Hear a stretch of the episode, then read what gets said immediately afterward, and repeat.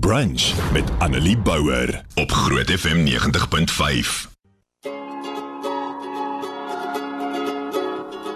Vanoggend kyk ons so 'n bietjie na Jakobus 3 vers 5 tot 10 en uh, die rede daarvoor is ag dit is dit gaan eintlik maar oor ons gesprek gister op kom ons praat daaroor plus dit wat die afgelope ruk in die nuus gebeur het met kinders wat geboelie word by die skool wat aanlyn geboelie word en dit ons gister in kom ons praat daaroor gepraat oor dat hierdie goeters sien kinders by volwassenes en dat dit so maklik is om mense op sosiale media te boelie. Jy dink nie eers noodwendig dis boelie nie, maar om mense sleg te sê want jy sê jy kyk hulle nie in die oë nie. Jy sien nie meer die mens nie. Dis sommer net 'n skerm en is maklik om jou opinie te lig en jou opinie is een ding, maar baie keer is dit raak dit 'n persoonlike ding. Baie keer vat ons mense persoonlik aan aanlyn terwyl ons nie eers die persoon ken nie of terwyl ons hulle nie in die oë kan kyk nie terwyl ons nie die mens kan raak sien agter dit alles nie. En toe lees ek gister toe ons hier by die werk is uh, vir Sonay hulle Jakobus 3 en dit het my net weer hoendervleis gegee. Nou die hele Jakobus 3 gaan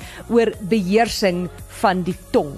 En vanaf vers 5 sê dit 'n uh, interessante ding. Dit sê in vers 5: "So is die tong ook maar 'n klein liggaamsdeeltjie en tog het dit groot mag. 'n Klein vuurtjie kan 'n groot bos aan die brand steek. Die tong is ook 'n vuur, 'n wêreld vol ongeregtigheid."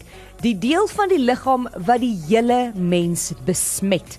Dit steek die hele lewe van geboorte af tot die dood toe aan die brand en self word dit uit die hel aan die brand gesteek. Alles wat loop, vlieg, kruip of swem, elke soort dier word en is al deur die mens getem, maar geen mens kan die tong tem nie. Dit is 'n rustelose kwaad vol dodelike gif.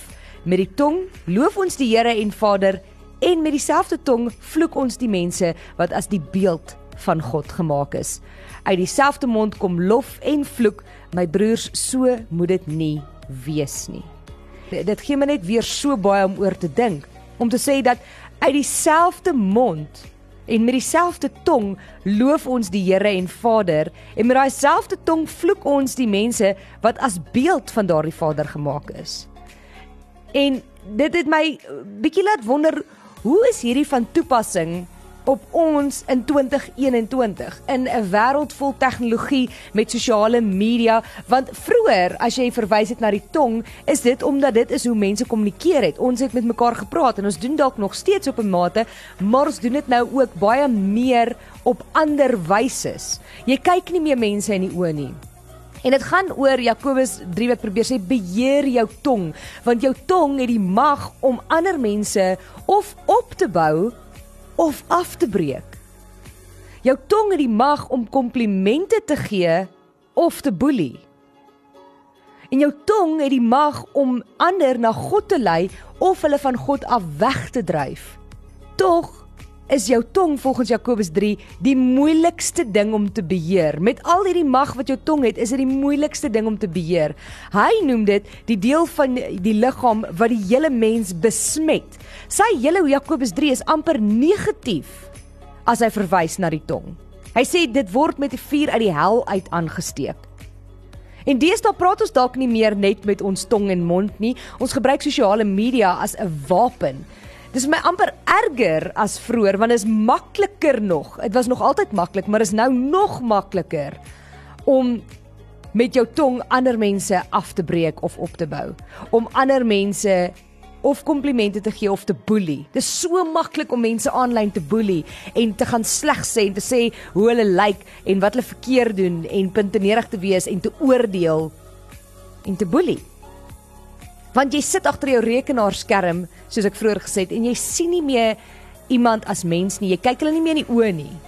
Mense dink deesdae ons het die reg om te sê vir wie wat ook al ons wil sonder om aan die nagevolge te dink. Ons dink nie eers twee keer watter invloed dit op daardie persoon het nie. Is ek besig om iemand nader aan God te bring? Of is ek besig om hulle van God af weg te dryf. Want as jy jouself 'n gelowige noem, het jy daardie mag. As jy jouself 'n gelowige noem en in God die Vader en die Seun en die Heilige Gees glo, is ons werk om mense nader aan God te bring. maar jy het ook die mag om hulle juis van God af weg te dryf deur jou dade, deur dit wat jy sê, deur dit wat jy doen. Omdat jy veronderstel is om 'n voorbeeld te wees en as dit die voorbeeld is wat mense sien, kan hulle sê maar hoekom sal ek in hierdie God wil glo? Jou tong is een van die gevaarlikste goed wat jy het en deesdae voel dit vir my jou selfoon of jou rekenaar se keyboard.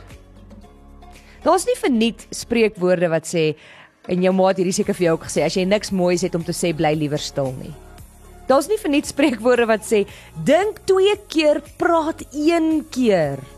Jy het net een tong. Moenie hom so baie gebruik nie. Dink voor jy iets sê. Wat ek nou gaan tik of wat ek nou vir iemand gaan sê. Is dit opbouend? Of is dit afbreekend? Kom dit uit liefde uit? Want as dit uit liefde uitkom, sal dit nie afbreekend wees nie. Is dit wat ek nou vir iemand gaan sê of op sosiale media gaan tik? Komplimente of boelie ek hulle? Bring ek hulle nader aan God of is ek besig om hulle verder van God af weg te dryf? En daai selfde tong wat jy gebruik of sosiale media waar jy Bybelverse share en waar jy van vir God loof en prys, pas op dat jy nie daai selfde platform gebruik om ander mense te vloek of sleg te sê, te boelie, van God af weg te dryf of af te breek nie. En dis 'n baie moeilike ding en Jakobus erken dit. Hy sê die tong is die moeilikste ding om te beheer want ons as mense is so vinnig om te reageer voordat ons na die mens agter dit alles gekyk het, voordat ons na die hart agter dit alles gekyk het, voordat ons vir God in dit alles raak sien. So probeer so moeilik soos dit is en ons gaan foute maak om in die week wat voorlê en in die res van hierdie jaar versigtig te wees wat jy vir ander mense sê. Ek sukkel self baie daarmee want ek praat vinnig. Ek is al beter op sosiale media. Ek skryf nie wanneer ek kwaad is vir mense 'n WhatsApp of 'n Facebook boodskap of 'n Twitter of 'n Instagram boodskap nie.